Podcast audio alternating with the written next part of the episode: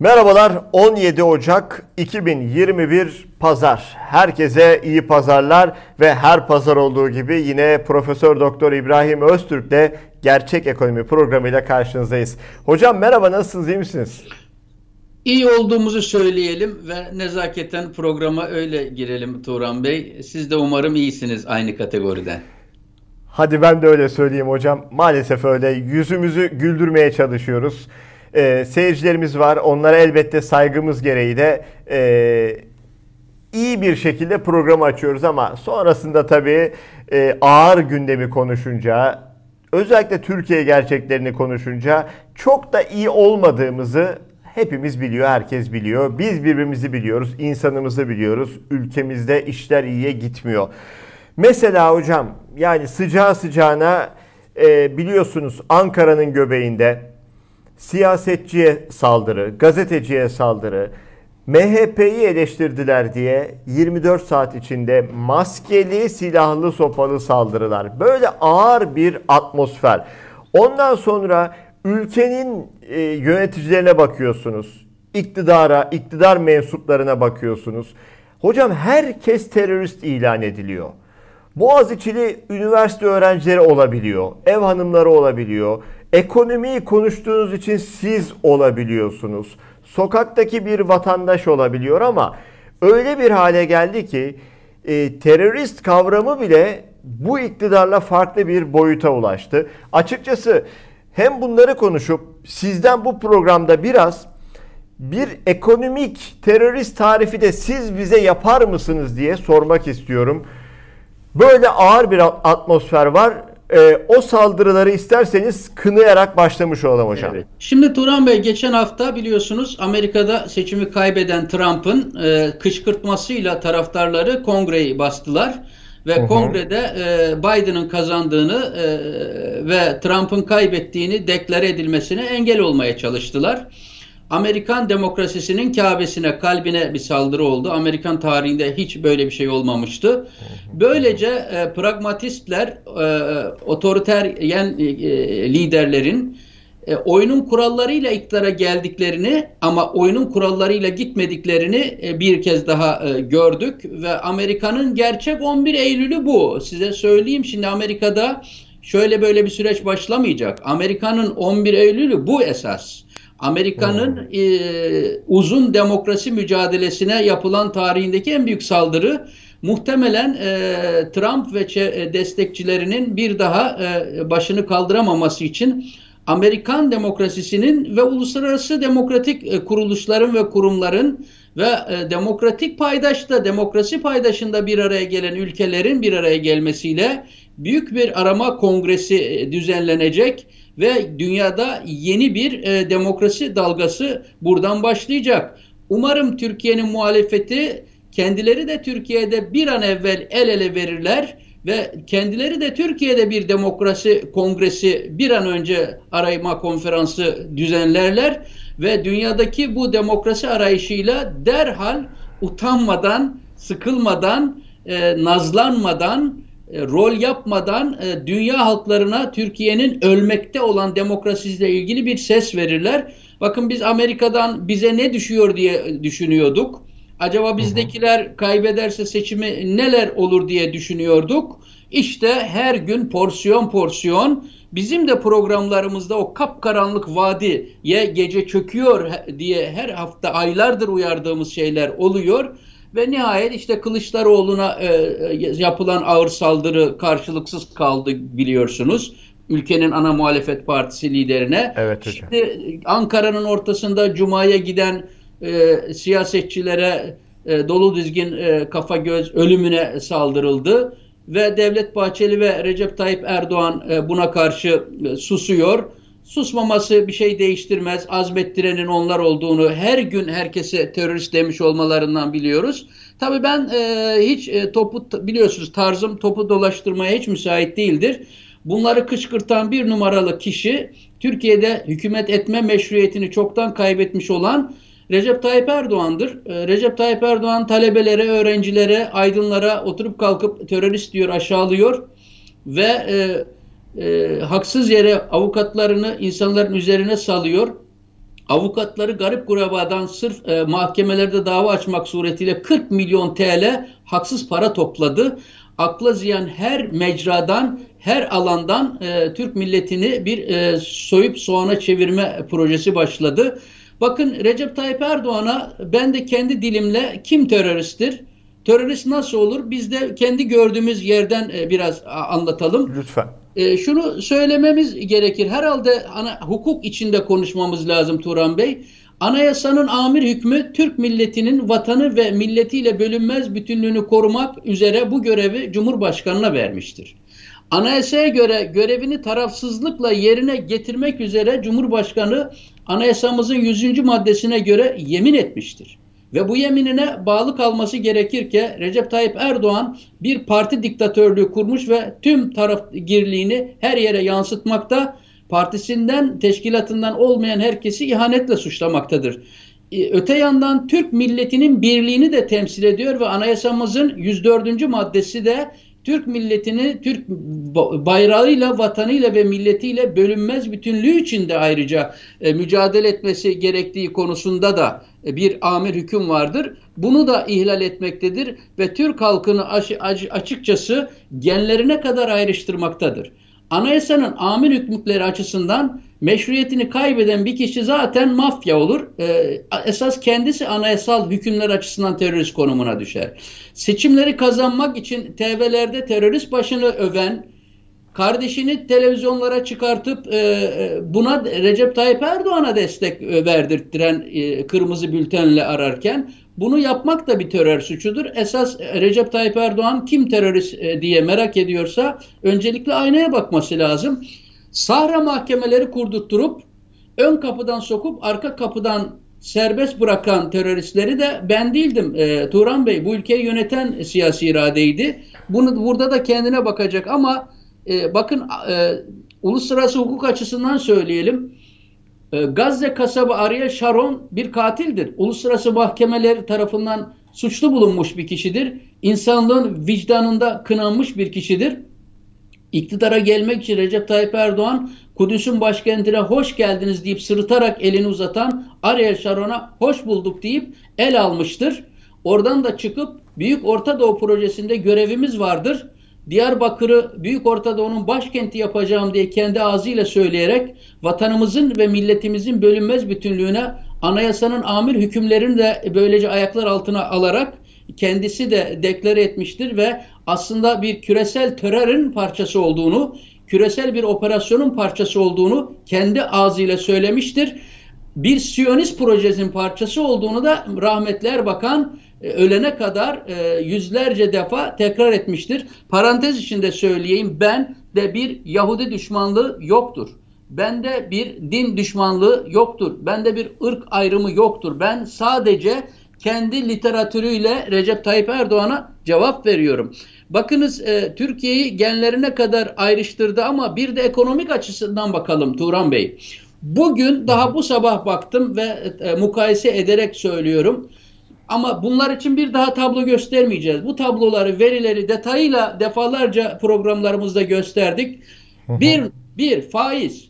Türkiye Cumhuriyeti dünyada faiz ortalamasının yüzde bir olduğu bir ortamda, Avrupa'da yüzde sıfır olduğu bir ortamda, bize benzeyen ülkelerde yüzde iki olduğu bir ortamda, bugün fiili olarak yüzde yirmi faiz veren ülkeye e, haline getirdiği için küresel finans terörünün bir numaralı yerli iş birikçisi olduğu için aslında faizci bir terörist konumuna düşüyor e, Recep Tayyip Erdoğan. Çünkü halkımızın bunu sorma hakkı vardır. Hiçbir yerde küresel pandemi ortamında faiz oranı yokken bize en yakın ülkede Avrupa'da Romanya yüzde iki buçuk faiz öderken niye ne yaptın bu ülkeye? Bu ülkenin nasıl kevgire çevirdin? Nasıl yaş e, adeta bir kadavraya döndürdün ki bu ülke bugün yüzde sekiz buçuğa çıkan dövizden sonra şimdi de yüzde yirmi faiz öder duruma düşüyor. Keza bugün dünyada enflasyon ortalaması bize benzeyen ülkelerde yüzde iki, dünyada negatif enflasyon bölgesinden geçiriliyor e, e, iktisadi kriz nedeniyle ve bugün resmi rakama göre onun e, yüzde on beş enflasyonu alternatif ölçümlere göre %37 enflasyonun olduğu yerde 5 litrelik ayçiçek yağının birkaç ay zarfında birkaç defa zam görerek 100 TL'ye dayandığı bir ülkede, tereyağının kilosunun 90 TL'ye dayandığı bir ülkede, beyaz peynir çalınmasın diye kilitlenen bir ülkede Recep Tayyip Erdoğan enflasyon açısından hem bir teröristtir hem de bir hırsızdır. Enflasyon Turan Bey, enflasyon ve faiz bir iktidarın en büyük hırsızlık ve terörist yön, terör yöntemidir. Çünkü enflasyon halkın cebindeki parayı alarak e, maaşını ve gelirini enflasyon oranında artıramayan insanların cebinden parayı çalmak anlamına gelir. Bir devletin hırsızlıklarının başında enflasyon gelir. Keza e, Türkiye bugün Dünya Bankası verilerine göre Turan Bey dünyada en yüksek borç oranı olan 6 ülkeden birisi e, e, dış borcunun milli geliri oranı %60'ın üzerine çıkarak Maastricht kriterlerini de aşarak Türkiye'yi dünyada borçluluk açısından en kırılgan ülke haline getirdi. Ülkemizin halkımızı tüketemez, gıda alamaz, eğitim harcaması yapamaz hale düşürmek pahasına %20 faizle borçlanmak zorunda bırakarak ülkemizi uluslararası şebekelere karşı e, haksız yandaş projeleriyle, israf düzeniyle halk gelecek nesli de borçlu hale düşürerek Recep Tayyip Erdoğan bir numaralı terör suçunu işlemektedir. Sadece ekonomik suç işlememektedir. Unutmayın. Türk milletinin rezervlerindeki 130 milyar dolar parayı sokakta yakan adam terörist olur. Ve bu ülkeyi yöneten adam sokakta yatmışı sokakta yaktı lafını sembolik olarak söylüyoruz Turan Bey. Türk milletinin 130 milyar dolarını Recep Tayyip ne yaptı ne? Kime verdin? Hangi mekanizmalarla kime kaçırdın? Bunun hesabını vereceksin sen. Bir gün Türkiye Cumhuriyeti mahkemelerinin karşısında bu 130 milyar doları e, hangi kaynaklara aktardığını sorusuna cevap veremediği zaman o gün teröristin kim olduğunu bir kez daha göreceğiz.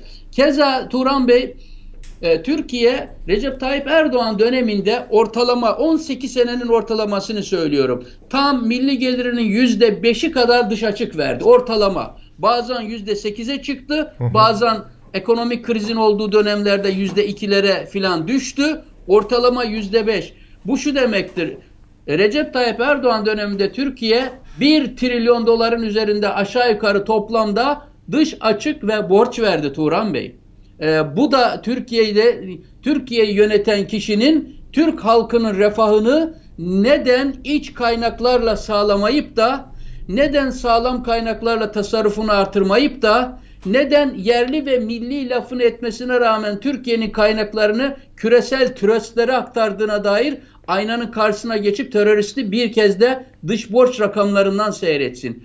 Öte yandan Turan Bey bugün ülkemizdeki e, en e, büyük sıkıntı ka, ihale kanununu yok ederek uluslararası rekabet olsa, yarış olsa bir dolara ortaya çıkacak hizmetlerin e, bu nedenle yerine göre 50 dolara 100 dolara kadar çıkmasıdır. E, yarıştırmayarak, ihale kanununu bozarak, rekabet kurumunu çalıştırmayarak, sayıştayı devre dışı bırakarak e, Türk milletinin çok daha ucuza yüksek nitelikli hizmet almasını engelleyerek Türk milletini sadece Beşli çetesine değil aynı zamanda küresel sermayeye de soydurtmaktadır. Dolayısıyla terörist dediği zaman ekonomik teröristin listesine bunu da koymamız gerekiyor. E, doğrusunu isterseniz burası zaten bir suçtur. Türk bu yöntemlerle tarihin en haksız en zalim servet transferini yapmaktadır. Yetimin, başında tüy bitmemiş yetimin, annesinden süt emen bebeğin, daha doğmamış çocukların, gelecekte yaşayacak bir neslin hukukunu daha şimdiden başkalarına garanti etmekte ve servette el değişimi yapmaktadır. Bu da kendisini aynanın karşısında kendisine bakmasını gerektirir. Turan Bey, tarım konusu zaten başlı başına bir hadisedir Türkiye'nin tarım alanları hızla e, daralmaktadır. 20 senelik hükümetinde e, iklim dengesinin bozulduğu, su kaynaklarımızın yeterince zengin olmadığı bir ülkede 20 senelik hükümet damla sulama sistemini her yerde oturtarak vahşi sulama sisteminden çıkamayarak, tarımda verimi artırmayarak, tahılda e, başta olmak üzere stratejik yağlı tohumlar devamında olmak üzere tekstilin ana ham maddelerinden pamuk dahil olmak üzere Türk tarımını birçok kanaldan çökertmiş, tarım alanlarını şehirlere ve e, e, TOKİ'ye emanet etmiş ve Türkiye'nin geleceğini büyük oranda e, Rusya başta olmak üzere büyük tahıl üreticilerinin insafına terk etmiştir. E, doğrusunu söylemek gerekirse e, Turan Bey, gelecek neslin hukukunu yok etmek anlamında geçen hafta orman arazilerini de nihayet kendine bağladı. Böylece çevreyi tahrip etme konusunda hiçbir kıstas ve standardın artık elinde kalmadığını ve tümüyle keyfi bir sürece girildiğini de gördük. Çevre gelecek neslin bir numaralı hakkıdır. Ee, toplanmış olan devre, deprem vergilerinin nere gittiğinin hesabını bile vermeyeceğim dedi.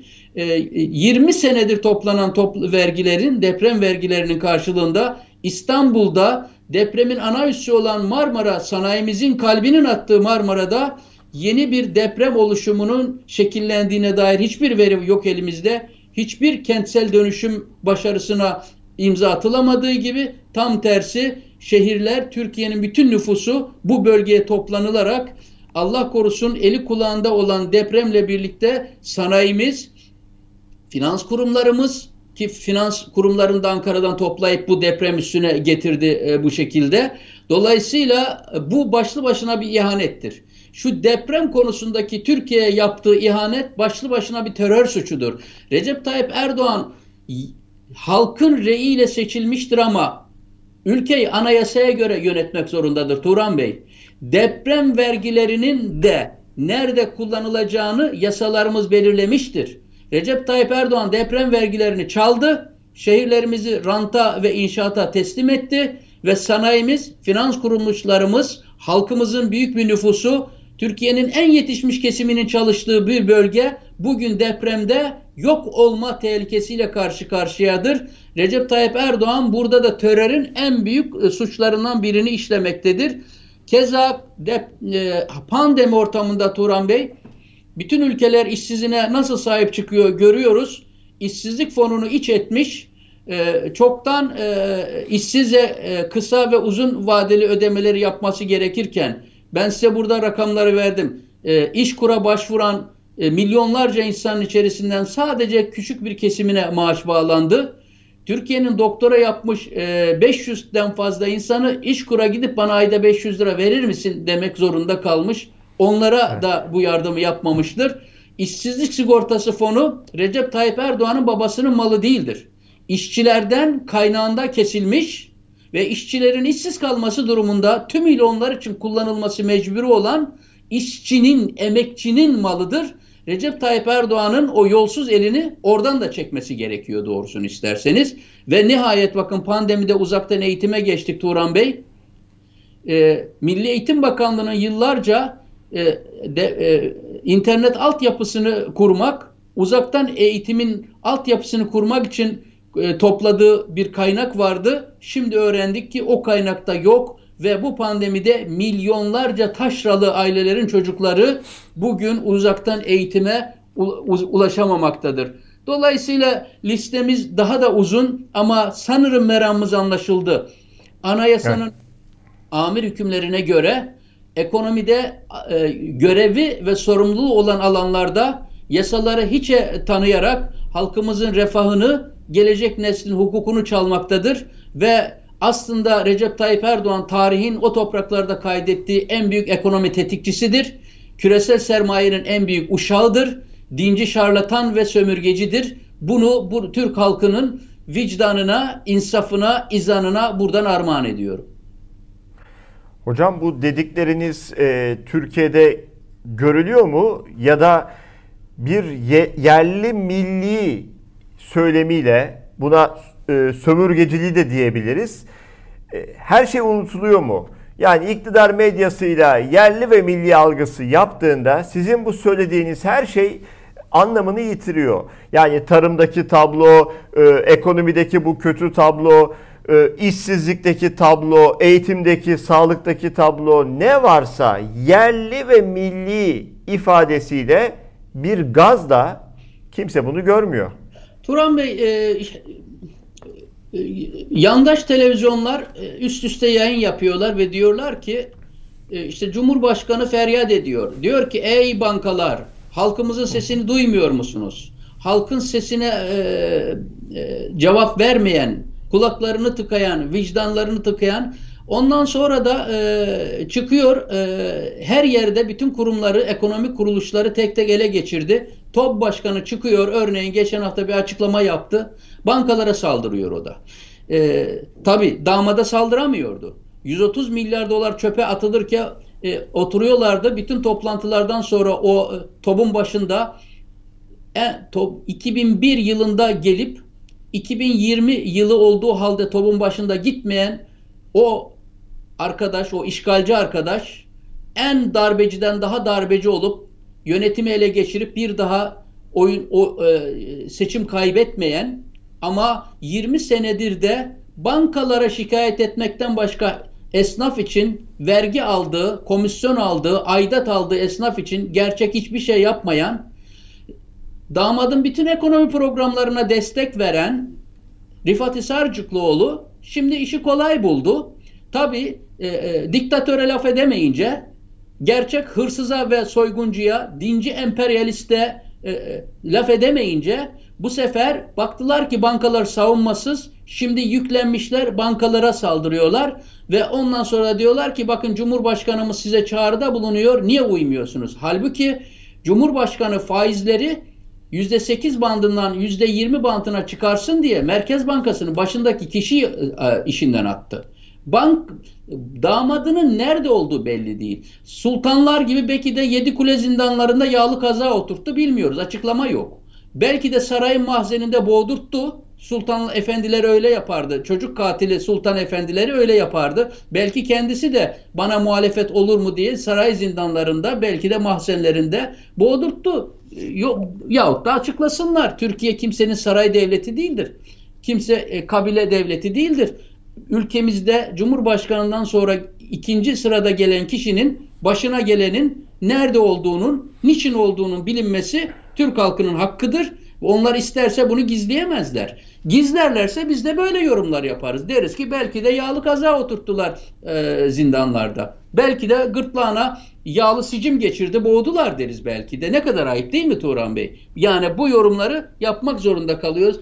Bakın Geçen hafta demiştik ki Türkiye ekonomisinde bir dövizle faiz arasında bir tahterevallı ekonomisi kuruldu demiştik. Döv, dövizi biraz düşürmek için faizi bu hale getirdiler ve esas reel sektörü çökertme operasyonu esas gırtlağına çökmek, esas e, e, yoğun bakım odasındaki esnafın e, elektrik fişini çekmek bu faizle olacak demiştik. Bakın geçen hafta iki tane feryat daha çıktı. Birincisi e, İstanbul'daki ve Türkiye'nin çeşitli yerlerindeki 30 kadar AVM'nin e, birikmiş evet. 15 milyarı doları aşan borcunu ödeyemediği için e, bankalara devredilme sürecinden bahsedildi. Ama bir şey daha söyleyelim. Bu AVM'lerin içerisinde binlerce esnaf var. Dükkanının kirasını ödeyemeyen binlerce esnaf var. Bunlar peki ne olacak? Öte yandan biliyorsunuz pandemide ve Türkiye'de bir e, e, antipatik bir ülke haline geldiği için turist de alamıyor. Pandemide de mümkün değil zaten bu. Peki Türkiye'nin Antalya ve Ege bölgesindeki binlerce otel zinciri var Turan Bey. Ve bu otel zincirine iş yapan milyonlara varan insanın geçimine neden olan bir değer zinciri var. Tedarik zinciri var. Antalya ve Ege'deki otellerin büyük bir kısmının e, yaklaşık yine orada da bir 16 milyar dolara kadar çıkan bir e, e, borç döndürmesi var. E, korkarım e, Recep Tayyip Erdoğan bu e, AVM'leri ve otel zincirlerini Katarlı ve küresel e, e, dostlarına e, sudan ucuz paralarla şimdi yeniden e, peşkeş çekme ve Türkiye'nin AVM'lerini ve e, turizm otellerini de el değiştirmesi gibi bir ihtimal vardır. Ama tabii ki en büyük sorun COBİ'lerin üzerindeki sorun Turan Bey.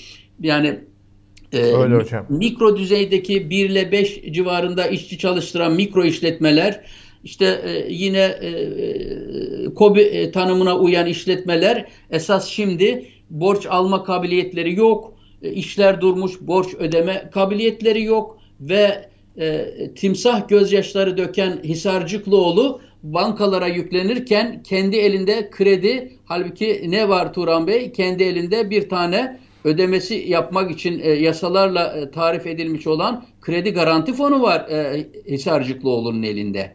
Kredi garanti fonunun kullanılma şekli TOB'a bağlıdır.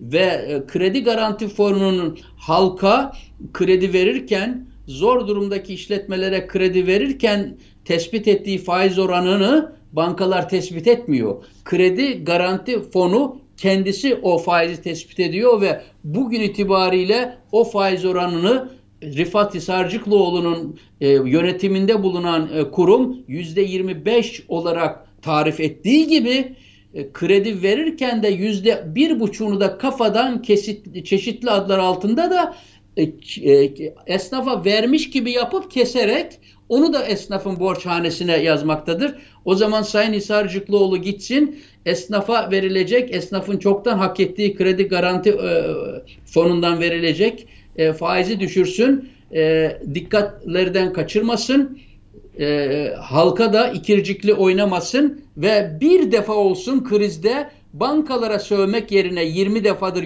20 yıldır yönettikleri ülkede bir defada gerçek bir şekilde halkın yanında yer alsınlar. Bakın size çok vahim bir şey, şeyden bahsedeceğim Turan Bey. Bugün yüzlerce, binlerce esnaf önümüzdeki dönemde hapse girecekler. Niye? Çünkü vergi usul kanunun 359. E, maddesine göre e, maalesef e, kon, çeşitli kontratlarla borçlanan e, KOBİ'lerin borçlarını ödeyememesi durumunda 30 yıla kadar hapis cezasıyla yargılanmaları söz konusu. Teröristler bile e, Turan Bey e, Yargıtay'a başvurarak bu cezadan kurtulmak için hak kazanabiliyorlar, zaman kazanabiliyorlar. Bu hak bile KOBİ sahiplerinden esirgenmiştir. Borcunu Recep Tayyip Erdoğan'ın yarattığı sömürü düzeninde, soygun düzeninde borcunu ödeyemez duruma düşen KOBİ sahibi Yargıtay'a bile gidemeden 30 yıla kadar ceza yiyebilecektir ve önümüzdeki dönemde zincirleme bir iflas dalgası başladığında e, Turan Bey göreceğiz ki e, bu insanlar maalesef işletmelerini kaybettikleri gibi bir de hapse girecekler. Oysa anayasamızın 38. maddesi diyor ki hiç kimse yalnızca sözleşmeden doğan bir yükümlülüğü yerine getiremediğinden dolayı özgürlüklerinden alı konulamaz. Ödeme kabiliyetini kaybeden insanların e, hapse konulması 20 sene sonra ancak bir hükümetin utanç vesikası olabilir diye de eklemek istiyorum buna doğrusu. Hocam Cumhurbaşkanı Erdoğan'dan yine faizle ilgili biliyorsunuz bir açıklama geldi. Son açıklaması da yüksek faiz açıklamasıydı. Arkadaşlar diyor beni dinler dinlemez ama ben bunlara karşıyım diyor. Arkadaşlar dinlememezlik yapabilirler mi? E, Turan Bey arkadaşı kimdir onu e, bilmiyorum. Bu rol yapıyor tabii. E, e, çok e, komik bir şey. E, o da şu. E, yani düşünsenize geçen hafta bir e, önemli bir iş adamıyla e, karşılaştım Turan Bey. E, çok büyük ölçekte, çok fa farklı ülkelerde iş yapan, işte Türkiye'den ayrılmak zorunda kalmış, bütün servetini Türkiye'nin dışına çıkartmış, son derece başarılı bir iş adamı. Diyor ki işte benim iş yerimde çalışan gariban insanlar vardı Türkiye'de. Bana karşı reisi savunurlardı. O bizim reisimizdir diye. Ben de onlara derdim ki hayır yanlış biliyorsunuz. O sizin değil o benim reisim. Çünkü e, hem kur e, kazancı bende ben aldığım sabit faizli Türk lirası cinsinden kredilerimi e, sabit olarak ödüyorum. Elime geçen parayla da bol bol döviz alıyorum. Döviz arttıkça aldığım kredileri bankalara ödemek Türk lirası cinsinden ve sabit faizle sudan ucuz. Yani dövizle bana kazandırıyor, faizle bana kazandırıyor. O benim reisim. Siz yanlış biliyorsunuz. Sizin reisiniz değil. Sizin donunuzdan başka bir şeyiniz kalmadı. Şimdi ne kadar haklı değil mi Turan Bey? Düşünün. Yani e, sırf e, ucuz ekmek alacak diye 5 kilometre kuyruk oluşturan halkımız var. 8 saat şu kış soğuğunda o kuyrukta bekliyor. Allah rızası için söyleyin bizim halkımız fakir olduğu için diyelim ki çorbaya batırıp ekmek yiyor. 10 tane ekmek alacak belli yani poşetlere doldurup zenginin bir ekmek yediği yerde o 10 ekmek yiyerek ayakta kalacak. Hepi topu belki 3 TL tasarruf edecek diye o ucuz ekmekle 5 saat 70 yaşına gelmiş insanlar, hacı teyzeler, hacı e, nineler o kuyrukta bekliyor. Şimdi bu insanlara kalkıp dönüp ne yapacak? Her cuma adet haline getirdi. Bir camiden çık, sırtını Ayasofya'ya daya, orada ben faize karşıyım, faizi düşürerek enflasyonu düşüreceğiz diye aslında nişan taşına kazandır, aslında etilere kazandır, aslında zengine e, yandaş çetelere kazandır, halka da dön caminin önünde bu fotoğrafı ver. Halk ve tabii ki ele geçirdiği bir medyası var. Diyor ki bakın Cumhurbaşkanımız feryat ediyor. Diyor ki halkımızın sesini duyun. Böyle bir halk, böyle bana böyle bir medya verin. Ben size böyle vicdanını kaybetmiş bir ülke yaratayım. İşte Goebbels taktikleri bu Turan Bey. Yani dolayısıyla Recep Tayyip Erdoğan halkın karşısına cuma günleri geçip cami önlerinde faize karşı çıktığını söylüyor. Ama az önce söyledim bugün dünyada yüzde birlik faize yüzde yirmi faizle borçlanan halkımıza yüzde yirmi beşle borç veren e, dünyanın en faizci, dünyanın en yüksek borçlu, dünyanın en yüksek dış açığı olan ülkesini yaratmış. Ama ele geçirdiği medya üzerinden de halkımıza çağrıda bulunuyor ve halkımıza faize karşıymış gibi gösteriyor. Faizden rahatsız olan bir insanmış gibi gösteriyor. Hayır, faizcinin önde gideni, rüşvetçinin önde gideni ve küresel kartellerin bir numaralı işbirlikçisi maalesef. Böyle olunca da halkımıza işte çıkıp diyor ki bak ben söylüyorum diyor. Bakın beni dinlemiyorlar. Ben bunlara kaç defadır söylüyorum diyor. Sen sokakta ülkeyi yürü, yürü, yürünemez hale düşüren kişisin. Sen ol dediğin oluyor, öl dediğin ölüyor. Sen tanrılaştın. Sen yanına gelen Profesör Numan Kurtulmuş'un ifadesiyle sen Harun gibi gelip Karunlaşanlardansın. Sen niye tedbir alamıyorsun? Bakın ben size bir şey söyleyeyim Turan Bey madem açtınız. Hı hı. E, Türkiye'de Ziraat Bankası ile Halk Bankası'nın görev zararları %50'ye varan oranda arttı. Bu bankalardan alınan krediler hem içeride yandaşları korumak için onlara peşkeş çekiliyor hem de uluslararası alanda yurt dışına kadar ulaşacak şekilde bir daha geri dönmeyen devasa kredilerle yurt dışında kime gittiği belli olmayan, hangi mekanizmayla kaybı olduğu belli olmayacak şekilde Türk halkının bankaları soyuluyor ve vergilerle bu da Türk halkının üzerine yansıtılıyor. Türkiye'de bakın en ve en çok yüksek kar eden kurumlar açıklandığında tümü bankalar arasından çıkıyor Turan Bey. Türkiye'de en çok vergi veren kurumlar açıklandığında tümü bankalar arasından çıkıyor. Sanayi kuruluşları çökertilmiş. Bakın mesela Almanya'da en çok vergi veren bir kurum kimdir diye merak edip sorsanız içlerinde bir tane banka göremiyorsunuz. Çünkü bankalar sanayiyi desteklemek için şirketleri desteklemek için var bu ülkede. Mesela en çok vergi veren kurumlar arasında Volkswagen var mesela. Daimler Chrysler'le birlikte Mercedes var mesela. Otomotiv ee, sektörü. BMW var mesela. Ee, enerji sektörü var. Deutsche Telekom var mesela. Siemens var e, BASF var e, yine otomotiv sektöründen. Kimya sektörü var. Metro Grup var. Schwarz Grup var. E, kimya grubundan Bayer grubu var. İçlerinde bir tane yok. Ama bir şey daha söyleyeyim size. Türkiye'nin ihracatını omuzlamış, sırtına almış giden mesela diyelim ki 2019 yılındaki rakamlar elimde var. E, onlara baksak Turan Bey, Türkiye'nin ihracatındaki ilk 10 kurum, kuruma baksak Onunun da içinde yabancı sermaye var Turan Bey. Onun yani e, kendi yerli ve millicileri Türk milletinin rantlarına, ormanlarına, şehir rantlarına, tarım alanlarına, e, madenlerine çökertilmiş durumda. Köprü köprü, tünel tünel e, mahzen mahzen götürürken Türkiye'nin ihracatında bir numarada Ford Otomotiv vardır. iki numarada Toyota vardır. Üç numarada e, Türkiye petrolleri, rafinerileri vardır. Dört numarada OYAK vardır. Hyundai ile ortaklık halinde olan Kibar Holding vardır. Ve bu şekilde devam ediyor. Tümü otomotiv üzerinden ve tümü yabancı sermaye ortaklı şirketler. Bunu niye özellikle vurguladım Turan Bey? Bakınız Türkiye'nin otomotiv sektörünü de çökertiyor. E, yasa hukuksuzluğuyla, adaletsizliğiyle, ekonomi, makroekonomik dengeleri darmadağın etmesiyle, korkunç bir belirsizlik yaratmış olmasıyla Türkiye'nin tekstil sektöründen sonra yüksek katma değerli olarak dünyaya entegre olan otomotiv sektörünü de maalesef Türkiye'den kaçırtma sürecine e, girmiş durumda.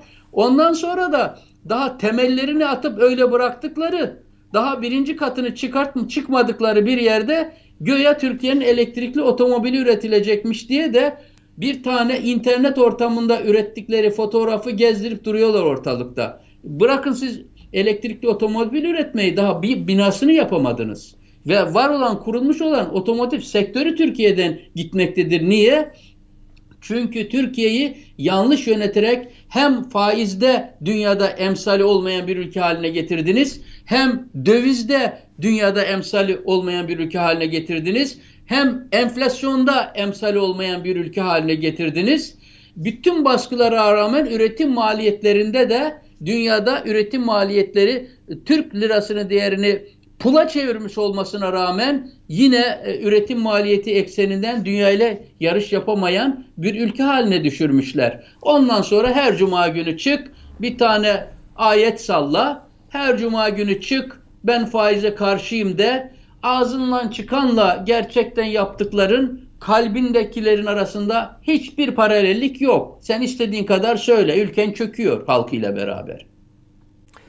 Hocam işte o yüzden e, gerçeklerin konuşulduğu medya organlarına ihtiyaç var. Ee, sizin gibi insanlara ihtiyaç var. Ee, yani korkmadan yazan, çizen gazetecilere ihtiyaç var. Bu anlamda bağımsız yayıncılık da var hocam. Yani iktidar medyasının e, göstermediklerini göstermeye çalışan insanlar var. Bunu sadece kendimiz için söylemiyorum. Hem Türkiye içinde var, hem yurt dışında farklı ülkelerde var desteklemek gerekiyor hocam. Öyle düşünüyorum. Haksız mıyım? Yani yoksa bu gerçekler nasıl ortaya çıkacak? Yani geçecekler e, dediğiniz gibi caminin önünden anlatacaklar insanlara. Bir yerli milli masal anlatacaklar. İnsanlar da bunu, bunu görecek. Alternatifi olmadığı, duymadığı için de belki de inanmak zorunda kalacak. Haksız mıyım? Şimdi Turan Bey geçen merak ettim. İnternetten e, bu Çin aşısı konusunda e, Türkiye'de yapılmış olan yurt içinden ya da yurt dışından yapılmış olan yayınlara baktım. YouTube'a yazınca hatta Google'a yazınca onlar sıralanmış olarak önünüze geliyor. Tabii biz e, Çin aşısı konusunda e, ne dediysek fazlasıyla gerçekleşti maalesef. E, baktım e, ne durumda seyredilmişler. İnanın e, ortalaması 30-40 bini bulmazken bu programların bizim e, Moonstar televizyonunda yaptığımız bu öncü yayın 500 bini geçmiş durumda. Yani evet. e, gururla bu televizyonun insan hakları, demokrasi, vatan ve millet mücadelesini saygıyla e, şapka çıkartarak karşılamak gerekiyor. Biz de bu bağlamda bir katkıda bulunuyorsak ki bulunduğumuza inanıyorum. E, bundan da gurur duyuyoruz. Ben kendimi bir insan hakları müdafığı olarak görüyorum. Gelecek neslin hukukunun müdafasını yapan bir akademisyen olarak, sürgündeki bir akademisyen olarak görüyorum. İnanın gün geçmiyor ki bir sokak başında her biri kendi alanında deve dişi gibi çok mühim bir e, profesörümüz, önemli bir iş adamımızı buralarda sahipsiz, kimsesiz, amaçsız dolaştığını görmeyeyim. 60 yaşında buralara gelen bir profesör ne yapacak? Nasıl iş bulacak? Nasıl kendine e, e, gelecek e, inşa edecek? Ülkede büyük boşluklar doldururken, büyük hizmetler yaparken bir anda bu ülkenin bu kadar birikmiş insanları buralarda köşe başlarında bir zulüm düzeninin döneminin bitmesini bekliyor. Ben kendi adıma şanslıyım. Bir şekilde bu durumda değilim. Araştırmacılığımı yapabiliyorum burada sesimizi duyar, duyurabiliyoruz ama halkımızın buna destek olması lazım. Halkımızın elini taşın altına koyması lazım. Halkımız şu an bizi tribünden çekirdek çıtlatarak seyrediyorlar. Ve ben buna itiraz ediyorum. Bakın ben Turan Bey, ben bir gün Türkiye'ye halkımızdan rey istemek üzere siyasete namzet olarak geri dönmeyeceğim. Böyle bir niyetim olsa ben bugün bu özgür konuşmaları yapamam. Ben bir tek özelliğimle ölmek isterim. Geride bir tek şu hatırayı bırakarak gitmek isterim. Hakperestti. Hakkı hiçbir şeye feda etmedi denilsin isterim benden sonra.